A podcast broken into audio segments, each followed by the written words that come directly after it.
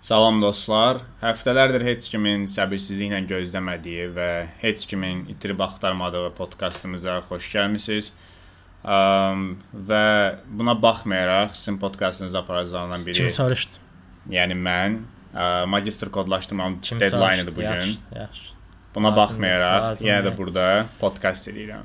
Bilirəm, yəni heç birini soruşmadınız. Əslində də ona bağlayacaqdım, guya yaxşı açılış edirdim, amma Yox, eləməyəcəksən. bullyingə məruz qalıram hal-hazırda. Bəli. Mən də bildiyiniz kimi e, e, daim rəhmətə getdim, amma bu gün yaşlanıb çıxıb yəni. Rahat deyirəm, daim yoxdur və niyə belə elədim bilmirəm. Hə, e, neçə aydır, neçə ildir Rest in eləmədiyimiz. peace. Çox sağ ol.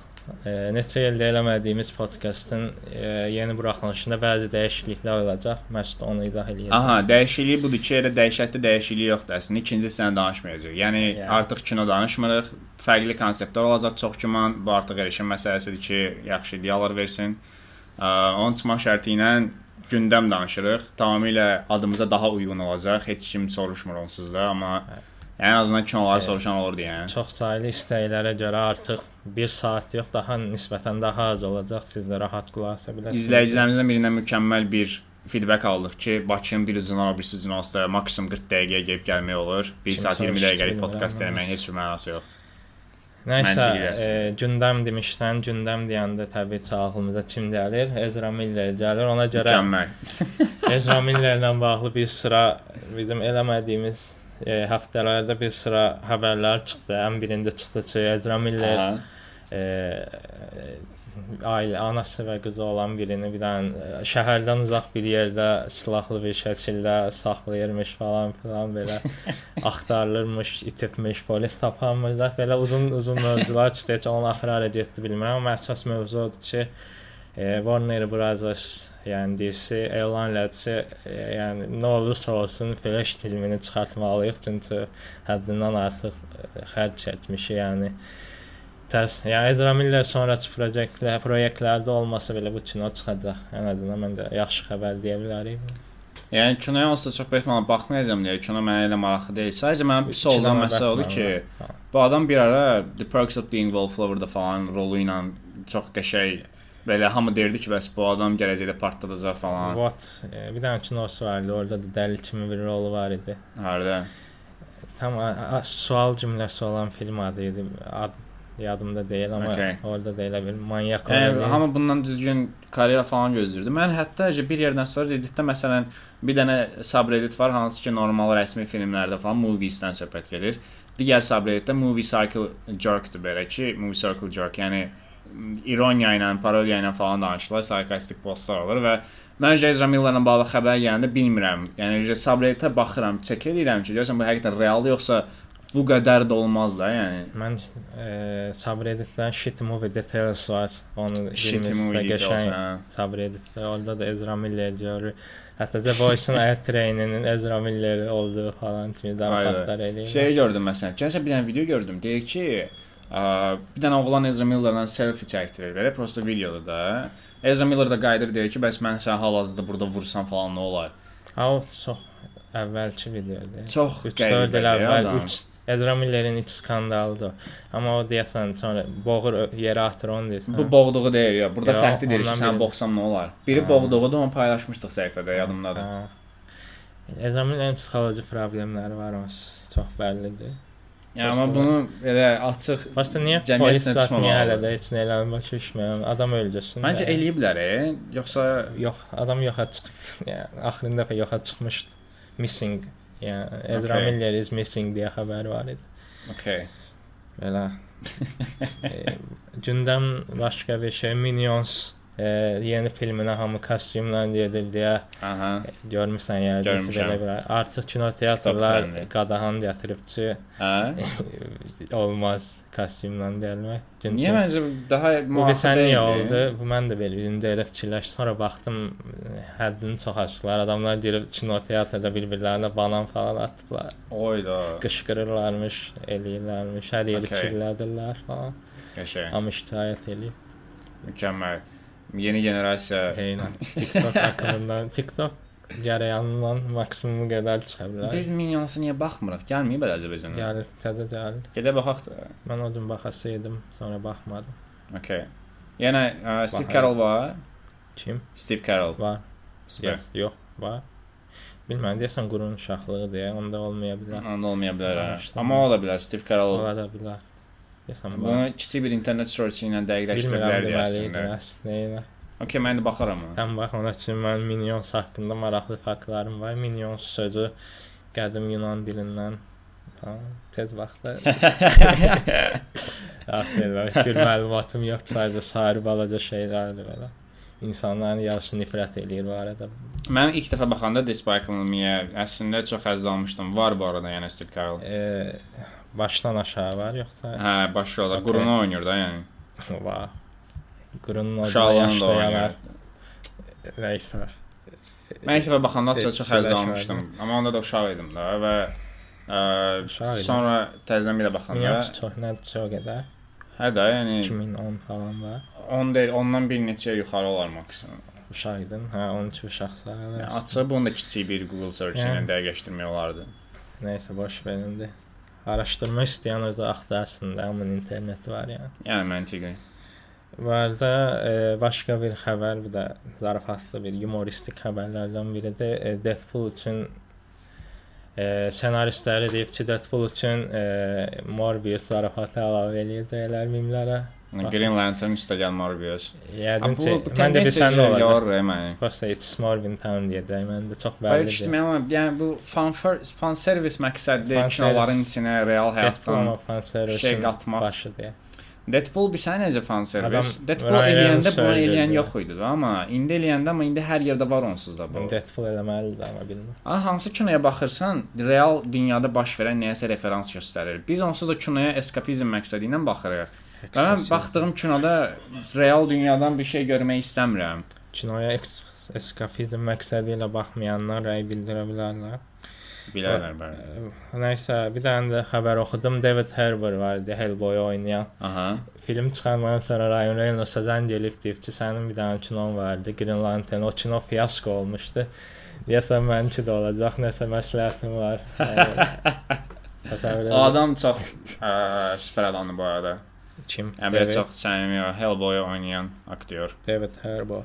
Ümid edirəm. Yox, ha, mən Ron er Perlmanı deyirəm deyəsən. O Birinci er Hellboy oynayan, Hellboy Hellboy. Son oynayan. hayla O çıxdı bir hə, ara. təzə Hellboy deyəsən. Eşitdim baxmadı deyəsən ona. Bildim, bildim. Baxdılarsa bəyənmədilər amma. Başqa xəbər Barbiedir.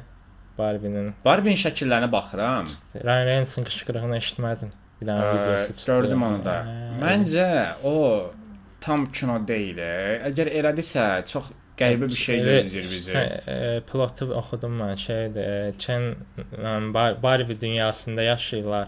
Aha. Barbie qaçmaq istəyir. Ken də özünü apar amma Ken şeydir amma Barbie dünyasını daha çox sevən adam. O dünyadan qaçmaq istəyirlər. qaçırlar.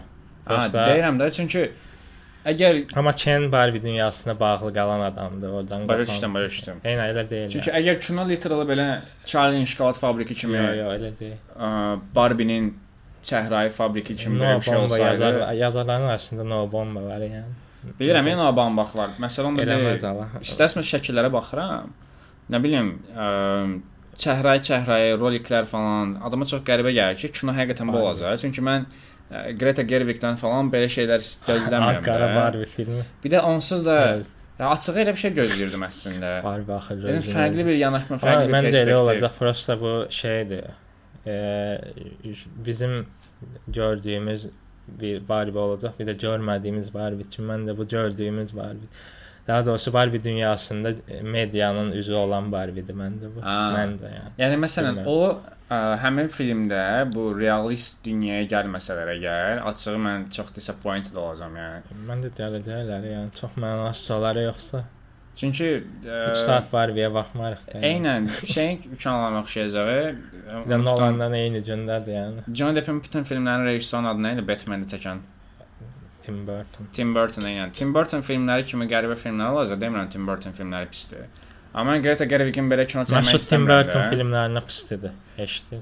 Onsuz da belə dialoq filmi çəkən 3-4 dənə rejissor qaldı. qalıb Yəni. istəyəcəksən. Ə, yox, çünki elə bir şey demədim. Okay. Top Mən Tim Burton Batman filmlərini çox bəyənirəm. Hətta məncə odakı Catwoman ən yaxşı Maalesef. Catwomandır. Məhəlləçi pingvinini xoşlamıram bari. O çox iyrəncdir. Amma ikonikdir də, balıq falan yeyirdi. Yəni ikonik amma dəxlisizdir. Əslində o Batman mənim uşaqlığım Batman. İlk baxdığım Mən o Batman. Batman-dən bəyənmədim tək şey, hər şeyin orijinini göstərməyə çalışmaları belə. Ə, vaxtına görə elədi də. Yəni, Yəni, yəni o vaxtda çox modadır. Bir dənə hero, e, villain qoysansa, villain qoysansa bunun arxa falan bilinməlidir də. e, bilinməli deyə o qədər də uşaq vaxtı onu sevmirdilər, o da özünü atdı və şey- İndi məsələn biz deyirik ki, də e, yeni super qəhrəman filmlərində orijinal Catwoman-ı olmasın. bəyəndiyin dedim bu arada. Hə, ən yaxşı Catwoman'dır məncə Michelle Pfeiffer-dır, Ə, Pfeiffer-dır, O Pfeiffer, da- Pfeiffer. Pfeiffer. Çox yaxşıdır. Hmm. Çünki ə, həm Qamçılama səhnəsi yadıma gəlir. o dəfə səhnəni bilsən də eləmiş, həqiqətən hə. eləyib. Hı. Yəni Ya da bir öyrənib dəfə qamçı vurmağı.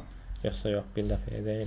Tam dəqiq orası yadıma deyil, amma onu öyrənməsi Hamısını belə eləmişdi, amma alqışlamışdı. Eynən, onu eləməsi belə mükəmməldir onsuz da. Yoxsa onun da hekayəsi qəribə deyil, bir şeylər gəlir bunun. Ölür əslində bir şeylər Tim gəlir, Burton-dur yalıyır sonra da. Catwoman olur. da. Tim Burton deyil adı. Yəni ə, qeyri-realist elementlər çoxdur onsuz da. Top Gun Maverick 1 milyard seçdi, təbrik edirəm. Sən baxmadın, hə? Yox. Niyə? Ə, Açığı Topqana baxmağa xət olmadı.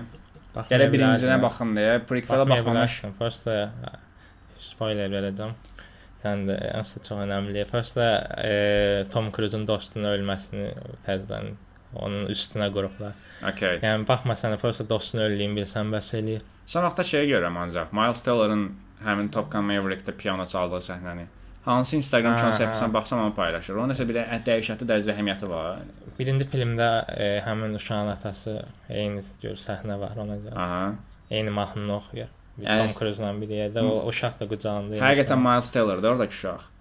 Ha, yo, yo, yo deyil. Və aktyor Miles Teller'ın həqiqətən atasıdır. Yox, prosta çox Onda oxşayır. kimin kimə maraqlı Birinci ki bu? kinodadır da, elə nə bilim. Elə Ya bilmirəm, ya bütün Instagram səhifələrində bunu paylaşıram. Mən deyirəm bəlkə Miles Teller'la bağlı nəsə əlaqəsi Yo, var, yo. ya atası Əs- orada rol oynayıb, ya nə bilim. Masterlər özü oxuyur amma özü öyrənir falan elə bir şey. Oxusun Həm da də adam- şey teması var, o Whiplash Dram, Notes. drama idi də onsuz da bir Eyvah. plaşdı. Biraz bilmirəm əslində. Həm də Bəlkə Maya- bir Spiderhead-dən danışaq, Spiderweb, Yəni Spiderhead. o Mayısda demiş, Mayısın bədənini, Mayıs bədən yığıb özünə deyə hər kinoda soyundururlar idi, onu da deyim. Topqanda da bir dənə səhnə var, slow motion Bədən yığmışdı bədənlərini ki. göstər. Topqana baxsan görəcəksən. Ha, okey. Topqanla bağlı çetməmişdim, onu da deyim. Bir dənə ən önəmli şey odur ki, pilot səhnələri var, bir dənə pilot yox, kino başdan ayağa şeydir. Çox çətin manevralar falan uçurlar. Hamısı həqiqətən uçurlar belə. Pilot olub, pilotun arxasında aktyorlar oturub və kamera olub. da, yəni, Və Ha. çox aşağı, təsəvvür o qədər aşağıdan uçurlar ki, pilot gəlib deyir ki, bir də mənim belə aşağıdan uçursa sizi. Yəni məncə şey, mən bu dozanı Teknofestdə ponla doldurdum, yəni hər gün hər bir neçə saatdan bir başımızın üstünə uçan qırıcıların səsindən yəni Topqana İçindən baxmasam görmək da ayrı, olar. Azərbaycan hə. olsa Topqana bir növ Topqan Maverick məsələn 3-cü kino. Yox, daha doğrusu Topqan Hı. Teknofest. Üçüncü film. ləqəbi Hətta deyə Top Gun bilirsən. Türk Ma- ulduzları Maverick, falan. Tom Cruise-un ləqəbidir. Əla. Yəni tamamilə səhv. Yəni, bu çevrilir qədər- və sən linç eləyir yalaz. Yəni bir şeyi çox bəyəndim ki, amma deyəsən o kinoda Top Gun-da, Top Gun Maverick-də daha doğrusu, axı ki Tom Cruise həqiqətən yaşlı birini oynayır yəni. Hə. Yaxşı birini. Yəni yaşlıdır da. özü. Yaşlı birini, ha. Ya, Aha. yaşlı olduğun fərqinə var və. Yes. Digər filmlərin heç birində görünmür. yəni. Amma şey yaşlı deyil də sənin mənim ola biləcəyim yaşlı deyil. Yenə samolyotla uçur yəni. Bunu çox təqdir edirəm də bu sən dediyin məsələni. Sadəcə Tom Cruise-la bağlı məni dəhşətli dərəcədə narahat eləyən məsələ Scientology məsələsidir. Və bu adam Hə. Scientology-da ola-ola Ice White Shot-da falan da çəkilib. e. Yəni adam m, xarakter olaraq həqiqətən çox yaxşı görünür qrafdan baxanda. Amma sən necə Scientology-ya aid ola bilərsən? Mən sadəcə fikirləşirəm ki, Hə. Tom bunun Cruise-la yəqin bağlı- o qədər belə ə, təhdidvari bir şey var ki, Scientology-nin əlində. Bunun əlində saxlaya bilər. Çünki Konkret reklamı biraz falan var. aqressiv e. insandır. Şey xəbərini eşitmişdim. E, studio hansısa film musiqi qruplarından biri idi, yeni nəsillərdən razılaşmışdı mahnıya görə Tom Cruise gəlib bunları studiyadan qovmuşdu. Niyə? Deyir ki, mən bunlarla işləmək istəmirəm. Heç nə demir, Aha. prosta deyib çıxın dedim. Bir də onsuz da adam yəni ə, Çəhnə mahnı. Şey sözün belə, əsl köhnə mənası başlı. kinolara baxılmağın səbəbidir həmin kinolara. Yəni Tom Cruise olmasaydı Top Gun Maverick-ə baxan kimi idi. 1-2-1 milyarder Yəni. keçsin hələ. Düz. Miles Teller'ə Nəysə 1 milyard çəkən üç filmdən biri oldu pandemiyadan sonra. Biri Spider-Man. Təbriklər. Yəni bayaq dediyim məsələdir. Tom, Tom Cruise-u çox təqdir edərdim, amma Scientology məsələsinə görə yenə də onun üzünə Hı. hər baxanda yadıma düşür. Tom Cruise da nəysə. Eee Eh, Spider-Head dedin. Spider-Head. Spider-Head eh, nə? Spider-Head o kino nə verdi, yəni? Nə baş verdi orada? Şuna bir sənə. Bu arada Netflix-də təzə çıxan kinolardan söhbət gedir. Chris Hemsworth bir dənə ə, pharmaceutical şirkətin CEO'sudur. Yəni pharmaceutical dərman da, ümumiyyətlə kimyəvi dərmanların ə, kimyəvi dərmanların psixoloji dərmanlarla məşğul olan bir şirkətin CEO-sudur. Miles Teller'dakı oradakı ə, üzərində eksperiment aparılan adamlardan biridir. Və kino ümumiyyətlə Nəsə də budur. qısaca insanların duyğularını Netflix-də. idarə eləyirlərmiş kimi bir şeydir. Aha, yes. İç baxışdan şey də çağanəsə eləyə bilirlər fərqli Mən bir şey. çox istədim ki, Fərqli bir şey ə, dərəsinə. müxtəlif fərqli yanaşma olsun Herdəki kimi yanaşma.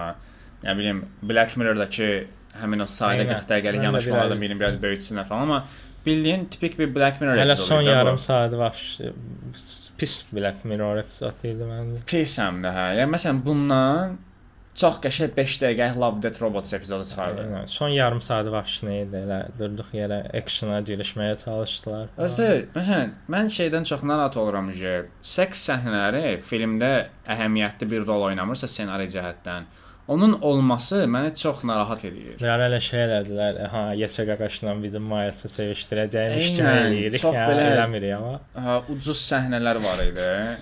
Bir də ümumiyyətlə Chris Hemsworth'un davranışları falan. Pis həm sonra. Miles Teller 2 dəqiqədən bilirdi. Ha, mən sənə güvənirəm. A, indi mən sənə güvənmirəm. Yəni Bir bir də- qərar verdi. Şunun başından sonunç, yəni həyat yoldaşı, nə bilim, tr- travması da yenə klassik travma idi. Hə, nə bilim, mən uşağım Ay. ölüb maşında. Ha, ha, mən nə pis anayam falan. Yəni Yaxşı elə. ya. Özdə yəni bu elə bir şeydir ki, Chris Hemsworth da deyir ki, "A, sən indi buna deyəndən sonra Miles Teller'ın qərarı dəyişəcək." Niyə dəyişsin? Onsuz da həbsdədirsə və sənin yanındadırsa 100% nəsə bir şey eləyib də, bunu bilir onsuz da Miles Yəni. Teller. Və a, təsadüfən uşağın maşında ölübmüş. Yox, ey, mən də dedim, heç olmasa onun biraz şey verərdin əslində uşağını boğub öldürübmüş falan olsa, yəni deyərdim, ha, pis adammış. Amma o Deyilmiş, qızın özünü hə. öldürməyi çox ləzzət idi. O qəşəng şey, twist kimi bir şeydir belə. O şey qız. Hə, hə, hə. Orası biraz dark oldu. ha. Bütün personajlar da yenə belə komiks personajıymış kimi, hamısı stereotypical personajlar idi. Biri nə bilim, qəşəng bir qız, çox belə güclü bir, Yəni, qaqaş qorxulu, sonra nə bilim, bir dənə weird çox yemək yeyən adam falan. hə, Bir dənə divarı Konkret şey anime ya. Hə. personajlardı da elə bir. Bir dənə çox yaşlı, na- arıq qadın, sarışın özü də. divara barmaqları ilə yazı Yes. yazan. Yes, shit finger. Hə. Ay, çox özü də bir sənə kino əvvəllərdə Hə, belə qorxulu idi, Həqiqətən elmi fantastiki elementlərə uyğun irəliləyir. Nə bilim araşdırmalar var, eksperimentlər var falan. Axırdakı o döyüş səhnələri, qaçış səhnələri falan. Çox mən özü də yaxşı da deyildi. Yaxşı olsa yenə deyəsən. hə, Gedir sonra da kredləmiş. dağa girir üstündəki təh. Məsəl üçün sən Onlar niyə onsuz onunla döyüşəcək? Onu da Bax, heç başa düşmürsən. dərman partda da onun belində. Hə. Bu niyə qaçmağa çalışdı ki? O onu onsuz sürə bilməz də. Adam bunu yaradandı da, bilir onun effektini. Ola deyirsən. Niyə elə bir axmaq bir şey eləsin? Yəni biz görmüşük elmi fantastiki bax Hara qaçırdı? Westworld. Westworld'un birinci sezonun axırında Anthony Hopkins spoiler var, spoiler var, Hara spoiler baxmamışam, var. neyse, Ə, ölür. Özü özünü Çox öldürür sağ- hətta. çox sağ. Səhv eləmirəmsə. Çox sağ. Və bu və o onsuz da Westworld-un yaradıcısı idi falan, çox cool ölürdü, amma bütün planlı yol olaraq insanların qabağında hərəkət edir falan, möhtəşəm twist olur. Burada genius olan, nə bilim, öz produktuna nə qədər investisiya edən Heç belə şirkət E deyil, CEO-su Allah'a deyirsən. alim, uşaqlıq travmaları falan filan. O belində o Şey var açılmağına idi. baxmayaraq gedir, oturur Şey təyyarəyə. səhnəsi var bir dənə gülə-gülə danışırlar. Ha ha atam məni tərk eləyir. Hə. Öz onu 2 dəfə eləyirlər, e, fikir verirsən, hə? Bir dəfə deyir, bir də gülür, sonra bir də deyir, bir də Hə, Sonra gülür. söndürür. Çox güldük, bro. Okay, səni bunun zarafata salsan, başa düşdük. Freud. Okay. Zarafata salmasan xatirə pis- travmatik Hə, olur zərər. Dərman həm başladı. Başladı zarafatlar da çox pis amma.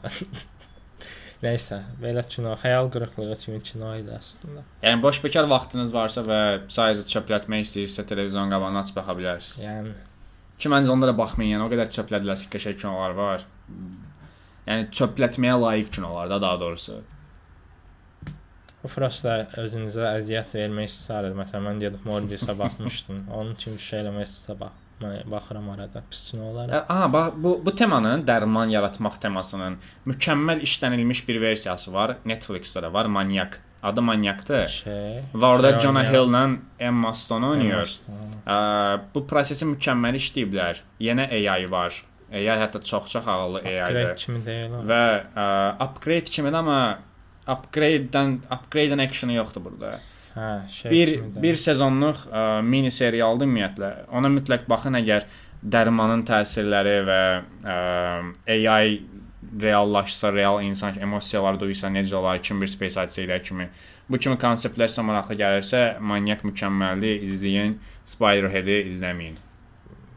Stranger Things baxdım. Stranger Things, Stranger Things məni çox təəccübləndirir. Yəni, Yəni qurtardı Ee, bu arada. Yoxsa bir Tarlı 2 qaldı e, bölümü deyəsən. çıxdı. Yox, ikisi birdən çıxdı. İkinci Ha, volüm. baxdım Netflix Hə, hamısına. bilirsən də volüm volüm çıxartdı Aha. Stranger Things-i. Baxdın hamısına. Ə, son 2 bölümü qalıb. Baxacam ona. İndi Baxaq elə danışaq. istəyirsən. Hə, bu Okay, sən olar bax, mən amma ilki baxmayacam. mərhələ belə deyim ki, məni çox təəccübləndirir və pozitiv mənada deyirəm bunu. Okay. Mən bunu açmağım məsələsi şeydir əslində. James Cameron Avatarın e, saatı ilə bağlı açıqlama verir. ki, İnsanlar xahiş edirəm bunun saatı ilə şikayət eləməsinlər. Mənim uşaqlarım evdə 8 saatlıq e, serialı bir günə izləyirlər. Gəlib 3 saatlıq kinoya söz deməsinlər xahiş edirəm. A, Hə, mən kənsə bir də maraqlı bir şey oxudum. Bunu bölüşüm. Deməli, ə, müəyyən ölkələrdə, buna Türkiyə də daxildir, kinonun ortasında 10 dəqiqəlik fasilə Ha, olunmuş. Qabaq Belə indi VC fasiləsi kimi göstərdilər ya da nə amma. bilim mağaza fasiləsi kimi. Bu fasilə Azərbaycanda, Amerikada falan yoxdur. Avropada bəzi ölkələrdə də var. Mükəmməl fikir deyil. Bax mən məsəl üçün biz çünki Elə bax, hamı onu popcorn yazırdı, alırsan, girirsən içəri, ilk 5 dəqiqədə bitir onsda. E, Kinonun başlanğıcında mən bitirirəm popkornu. Amma təsəvvür et, kinonun ortasına qədər izləyibsən, fasilədə çıxırsan, çölə sosiallaşırsan dostlarınla, danışırsan ki, ayda nə olacaq falan. Bir dənə su alırsan, bir dənə popkorn alırsan, qayıdırsan, daha Vesiyə həyəcanla izləyirsən. Həm belə. də uzun də VC-yə kinolarda gedirsən, yaxşı eynən. olur. Qısa filmlərdə okey, yəni 1-2 saat filmdə olmasa da olar. Evdə yəni məsələn nəsə baxsan, James Cameron demir məsələn 8 saat baxırlar. Aha. Heç kim oturub 8 saat baxmır ki, baxsan. Təbii ki. Yesən yeməyi yesən, nə bilim, Əlbəttə, hə. Su içsən. Əslində o binge watching-in fəlsəfəsi Yəni ondadır da. də. Açırsan yemək qabağında, istədiyin an yeyirsən, istədiyin an dəyişirsən, istədiyin an tualetə gedirsən. Türkiyədə bu Amerikada da var idi bu arada, yığışdırdılar sonradan. Amma yazıcı Ha, təbii onu ki, geri bilmirəm. qaytarır. Mən falan. gördüyüm qədərilə ümumiyyətlə olmayıb amma. mən şey oxudum ki, amma deyir geri qaytarın. Yəni bu şeyləri. bizdə də olmalıdır. Məncə belə bir tələb yaradır hətta ki, ə, kino teatrlar kino fasilə yatsın. yatsın. İndi 100% pozdur kinomanlar çıxıb deyəcəklər kino 3 saatlıq tamamilə fərqli bir dünyaya Eynən. gedilən Rejissor istəyir. kainat yoludur falan. Keçən həftə Marvel kinolarında fasilə eləyə bilər idi. yəni məncə bu çox qəşəngdir. Hətta mən ümumiyyətlə tərəfdarıyam ki, istənilən bir sosial aktivitenin ortasında fasilə olmalıdır ki, insanlar bunu müzakirə edə bilsinlər. Eynən. Yəni bu həqiqətən fresh ə, insan beynini daha fresh eləyir. Yəni, Ən azından məndə belə deyəm, bilmirəm tam sizdə necədir, razılaşan olacaq, razılaşmayan olmayacaq falan, amma bununla razılaşmısınız deyə də dislike eləməyin də, yəni. Yəni həyat lazımdır da biraz. Məsələn, dərs Bu oxuyan məncə ə, müzakirəyə qaldıraq. ola bilər. Başda mən e, həyatım boyu sinema filasa mail yazmışam. 2017-dən bəri mail yazıram. Nə yazırsan? E, bu dillərlə bağlı. Hə. Hə. Amma mən banlıyam da bilirsən. Pakistanadan. A vaxt mən də eləmişdim, Eyvah. Park Sinemaya onun. Hələ də banlıyam. Özə bir sən Çin dilində mesaj yazmışdın Eynən. belə. O o vaxt kreativ sözlüyün nəsə tendensiyası idi də. o. Tam bilmirəm amma Hər gün deyəsən, vaxtlarımızda. mən də birinci No hamı offense sözlük bəyənmiş olar. falan filan. Hələ bizlə mədələnmişlər. Adamlara deyirik kino çıxart, Çində kino çıxartmışlar falan deyə zarafatla. mən də qəşəng söz soxmuşam. Ona idi yadımda deyil. Başqa nələr qaldı? A, tədə xəbər gördüm. Bu bilmirəm çox üçün maraqlı oldu, amma mənim üçün maraqlıdır deyə deyirəm. Pedro Pascal'la Ethan Hawke'un, e, Pedro Almodovar'ın yeni qısa filmində olacaqlar. A, Mövzusu da Brockback Mountain kimi filmdir. Cowboy e, mit, deyəsən mit, Brockback Mountain sözünü gördüm yəqin ki J və Cowboy yəqin ki. filmini görmək istəyirəm şahsən. Və ya da gizli J Cowboy. Yəni Bir ya da, dəqiqə, Ethan Hawke-la Pedro Pascal bunun ikisi həm də yaxın dost deyillər. Pedro Mən bilən Pascal ikisi yaxın dost olmalıdır. Oscarla Pedro Pascal. A, yo, yo, mən səhv salıram. Oscar Isaacdan Pedro Pascal yaxın. Amma Ethan yenə də Hawke- yəni bu Ethan Hawke-la hamı İsim dost yerdə ola izləmək bilər. çox qəşəngdir. Yəni Ethan Hawke Aytan Hawk'ın təzə filmi də çıxdı. Ona amma Bizə baxacağam hələ də onsuz da. gəlməyib. Bizə gəlməyib elə bilirəm. hə. O maskalı olan da. Eynən, onu mən neçə tam həvəslənmişdim dedim, açdım gördüm bir ay sonra gələcək həyatım. İyulladır. İyul. Bu bu ay gəlməlidir axı artıq. 17 iyunda Amerikadadır, bir ay sonra bizə gəlir. Hə, şey Buzz gələcəm də, Lightyear'da- 10 günə falan gəlməlidir. Buzz Lightyear da çıxmıyor hələ. Buzz Lightyear. Onu da səbirsizliklə gözləyirəm. Sonra Thor var. Thor'a sırf Christian Bale üçün Thor. deyəcəm. Səbirsizliklə gözləyirəm. Ümid edirəm Christian Bale'ı Christian Bale rolu səbirsizliklə. çox deyil. Ayda mən- Deyəcəm 2 dəqiqə e, tez ölürmüşəm başlayam. Çünki Bundan əvvəl də Christian Bale kino teatrda izləyə bilmişdim. e, Ford Hansı? vs Ferrari-də. Hə, hə. Yəni bu çox şanslı təcrübədir. Christian Bale görmək heç ekranda. üst- Mən bilmirəm niyə kinolara baxanda o kinolara kino teatrda Amerikan baxdığım sayıqı üçün çox sinemada xoşbəxt. baxıb fikirləş belə heç ekranda. Aha, özü 90-cı Why illərdə. not you stupid bastard eləyir. Bunu eləmək üçün boğazıma Abi bir kinonun hər səhnəsi necə mem ola bilər? mükəmməldir. Yəni konkret cultural icon deyil ki bu. İndi də Paul Evan'ın Christian Bale'ını görək. Okay. Yəni, Yəni alınmadı e, məncə. e, Çox yavaş elədim evdə. Özü hə, fikirləşdiyini çox istərdim. Eynən. Obi-Wan Kenobi-dən danışmaydı. Danışmayacağıq. Birinci maçda ağlayır. Eee, The Boys'un filmlər nə? Nəsə deyəcəydim. The Boys-dan başladım amma axırı The gəlmədi. Boys uşaq var, oğlanlar gəlir. Eee, Ee, dördüncü sezonu davam edir, final bölümü Okay, niyə belə əziyyət 4 3 3 olmalı? 3 də. Xəbəri düz deyən, Gözləyirəm sən bəlkə kömək eləyəsən, sifətimə baxsan mal üçün. xəbəri düz deyən məndə zəhər gün oturub memini Hero düzəltdiyi Gasm. serialdır. Qaraqazın bölümü çıxdı. Bilirsən, bilmirsən yəqin ki, komikslərdən ən məşhur bölümün komik seriyalarından biridir Qaraqazın. Və gözləntiləri qarşıladı deyəsən. Yəni, yəni qarşılar seks baxımından qarşılamamış ola bilər. Çünki seriallar aş- çox çirkində. Soldier və Homelanderə e, yatırlar, başını aldadır. Spoiler falan. vermə də, yaxşı əvvəlində Komiksdə, işləmə. komiksdə. Ha, okey, okey. Kimlə? Soldier və şeydə axı. Oy da. Oha. Başını aldadır. Bu da heç Okey. bilmir də nə edirlər. Okey. Soruşur belə bu C deyil etdim diyor. Ana C bir şey falan deyir belə amma yatır falan. Okey. Çox gülür. Var da komiks oxuyacaqsınızsa buna qulaq asın. Komiks də maraqlı bir şey odur ki, serialla ən böyük fərqlərindən biri odur ki, Black Noir var ya. Komiksdə Homelander'in klonu çıxırmış. Burada elə deyil amma. Niyə? Nə niyə? Hər şey maskasını çıxardı. Məqsəd Homelander nəymiş və yəni? şey çıxır. Aa, okey. Şey, e, Şimşək zafası da saxlayırmışdı bu xarab olsun. Nəsə elə bir şey. Belə var. düşdüm. Yaxşı Sonra da şeydir. Onu onu öldürür. öldürür Olsa çox falan. ucuz olardı yəni. Eynən.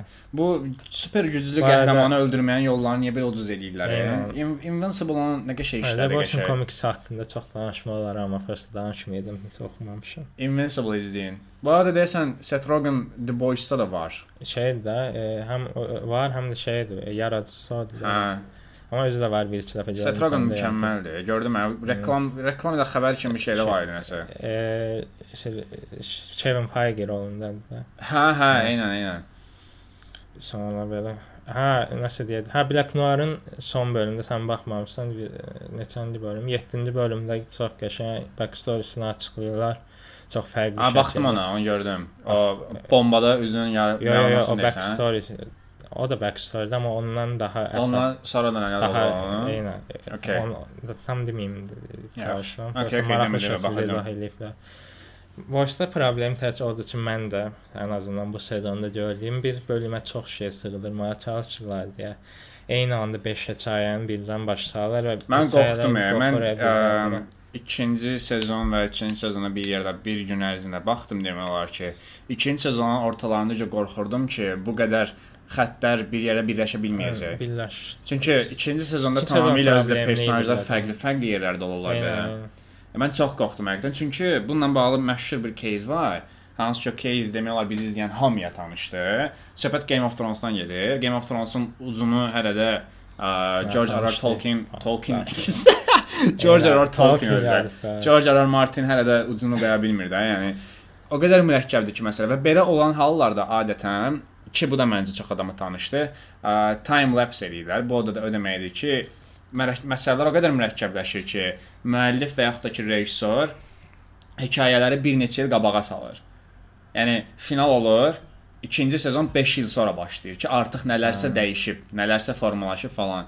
Amma ə, George R. R. Martinin кейsində o qədər cavablandırılma olan detal var ki, o başlıqda kitablarda bu illəri də yazmağa və bir yerdən sonra bunu yazmaq mümkün deyil. Çünki sən bu qədər tarixi ə, çox kitab yazmalısan, çox detal var, çox Hə, personaj var. neçə il Bunları yazıb birləşdirmək, qurtarmıyor, hə. əlaqələndirmək var falan. Buna görə də hal-hazırda sözün əsl mənasında zibildədir və 50 ildir çıxardamır kitab. qardaşların adı nə idi yadımdan çıxdı. Star Wars-dan da kontrakt imzalamışdılar. Ə, Bizi Bilmirəm. bədbəxt edənlər. Russo. Qardaş da deyirlər, e, əslində D ilə başlayırdı hətta Game of Thrones-un hə, finalını üstünə hə. qoyanlar. Senaristə. Yes. Onlar da əslində ona görə yarada bilmədilər ki, məsələ artıq çox kompleksləşib. Və mən bu cəhətdən də boyusda qorxdum ki, Sonra- yenə eyni məsələ olacaq, amma Setdə- qəşəng bağladılar Setdə ağanı. Starbucks stəkanın olmasının səbəbi o idi. Hə, Cavab verəm, cavab vermək məcburiyyətində Okay, deyilsin. okay. O onların fikirləşdim belə. PTSD yaşayıram mən Game of Thrones-dan, o söhbətlərə girməyəm. Allah. Hə, The Voice-da o biraz var əslində. Mən o yox, sən deyən yox. Mən tam olaraq onu demirdim əslində. Boşuna danışdın yəni o qədər şey. Mən şey deyirdim Okay. e o. Məsələn bir tərəfdən Huey-nin hekayəsi və, e, eyni anda həm Huey, həm Black Noir, həm də Butcher-ın arxa planını səliqəli şəkildə də olsa yerləşdirmək. Aa, Ona da durduq yerdə başladılar ha. Və Evet. Dəxilsiz backstory Eynən, girdi, onu bilmirəm niyə. şey eləməyə çalışırlar, bir tər hekayəyə sığışdırmağa çalışırlar, amma adam deyir ki, bunların hekayəsi qutarsaydı normal Yes, baxardı. eynən. Adam onu deyir, hə. Onun problemi də odur ki, 8 bölümdür, yəni. Başa olsa bunu 20 bölüm elə, yarım saat, yarım saat Amma əslində arasına bölümlər ayır. 1 saatdır da. Yəni də bir Ən azından saatda bu hər cəhətdən şeyi yaxşıdır. sığışdırmağa çalışmaqdansa Məsələn, eyni anda bu qutarı elə bunun yarısında keçirir, Kimiko başlayır ağlamağa. Ki məncə sonra açığı bu sən məsələdə ə, Amazon böyük bir fürsəti qaçırdır.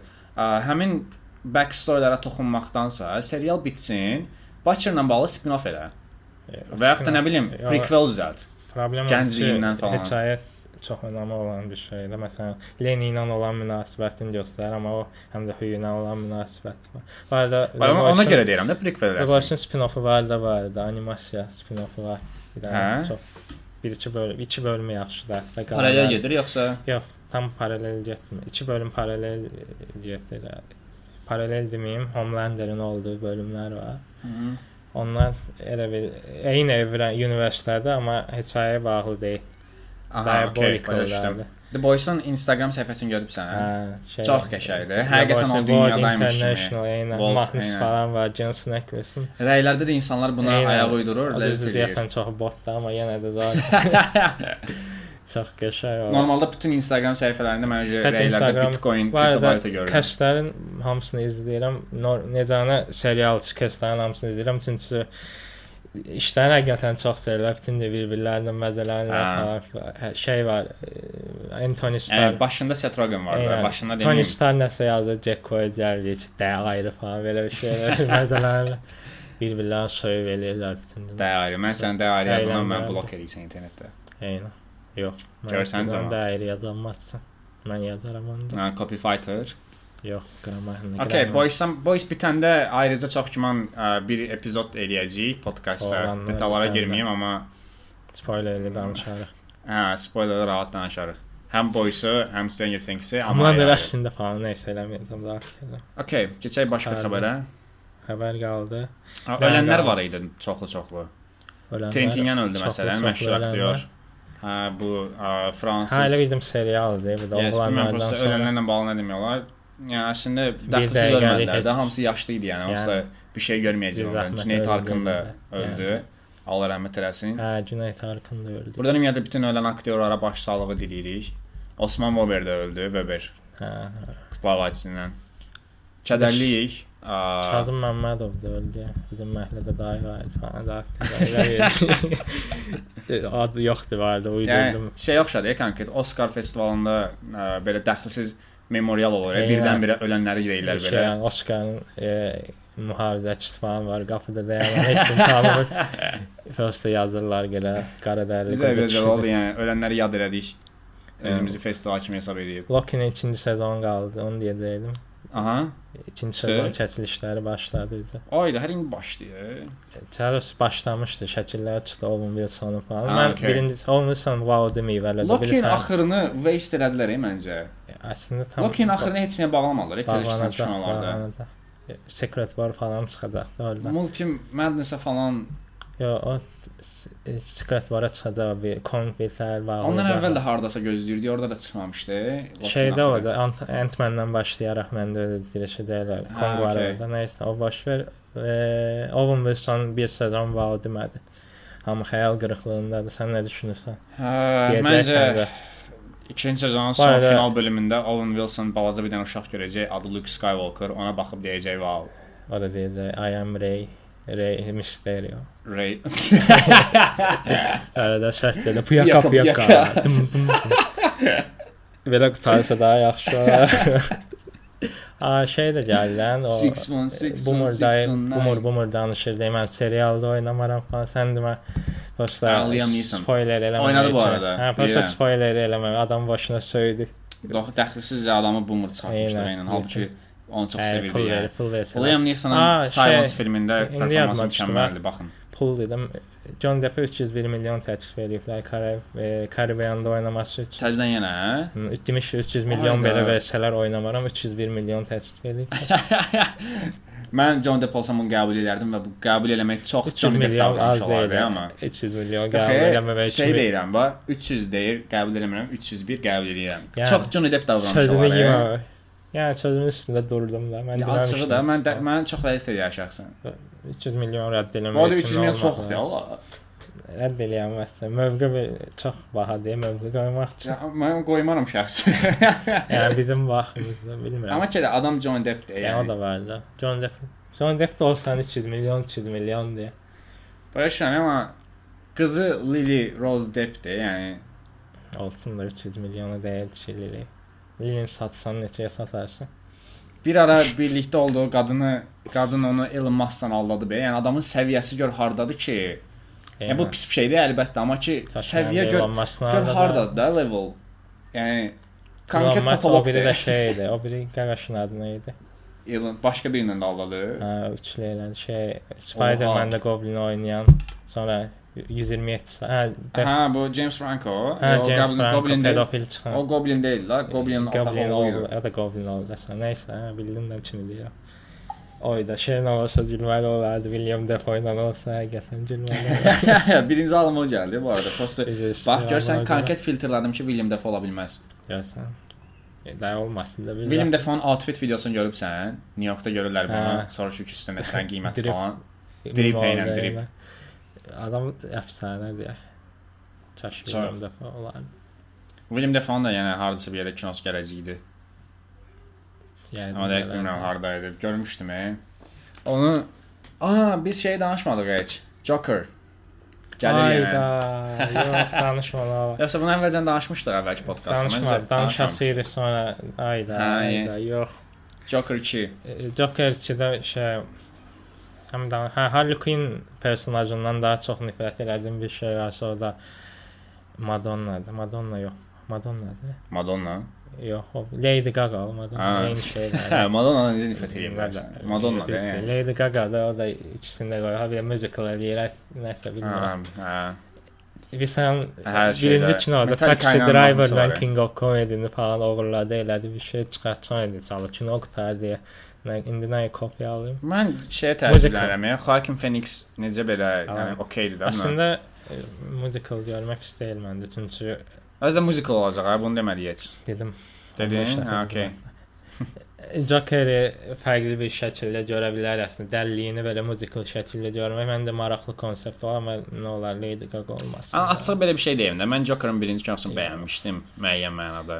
Çox yox, müəyyən mənada. Joker kimi bəyənməmişəm. Amma Joker-dan tiksinməyimin səbəbi isə nə oldu? Hər səhnəsi mem oldu bir yerdən sonra. ola bilər. hə. Literal Yəni o Me oldu je deyək, literal ola bilər. me-dən sonra ilə. Həm də Joker o Joker deyil, fikirləsən bizim tanıdığımız qorxulu Joker. Mən o olsun crime istəmirəm master- Oh, onsuz da açığı. Bezmişəm uh, Jane Joker görməyə. Olmaması üçün e, niyə durduq yerə Bruce Wayne göstərdilər biz də kinona? Hə, bəlkə kilə Batman eh? gələcək, bilmək olmaz. Cavan Batman özü. özləri. Bezdim 70 dənə Batmanimiz var. Hələ 2 dənə Batman nə olar? Ayda hələ Flash eh? bir gələcək, trilogiya gəlir hələ, hə. Flash var. 2 dənə Batman oda kinoda. Adamlar Ayda Spider-Man Flash-də çox də var elə. 2 dənə var, bir dənə yoxdur. Həm Ben Affleck var, həm Michael Keaton var. Oha. Spider-Man 1 milyard olan kimi o dəqiqə. Hop, bizdə də 2 dənə Batman var. Üçüncünü Bu- gətirməyə pul gəlmir. Nostalgiya tərələri nə vaxt bitəcək? Amma yaxşı kino deyirlər, inanmıram. Hamı deyirlər. Nəysə, 40 dəqiqə oldu, idi, qısa eləyək deyib daha çox it's, danışdı. It's, it's Morbin time. Morbid time. Um, çox It's sağ olun bu qədər Morbin qulaq asdınız. time. Ümid edirəm It's Morbid hardan time. Həzəstanovdan Dərnəgirə çatdınız 40 dəqiqə ilə. Bilmirəm. Uh, Həzəstanovda Dərnəgir. minməyib, başqa stansiyada minib Piyada Dərnəgirdə gəzin, məndə. düşməyənlər piyada isə gəzin ki, daha çox yes. qularsa bilərsən. Əvvəlki Həm də stansiyaya hava alın. düşün, piyada gəzin, Eynən, həm Bakının Bakının düzdür, amma e, bizim mükəmməl problemimiz deyil. səkilərində ə, nə bilim, It's Morbid time. okey. Hələlik sağ olun. Var. Qoy 40 dəqiqə olsun, qəşəng görünsün. Okay. Bir, iki, üç, daha bağlı. Hələlik.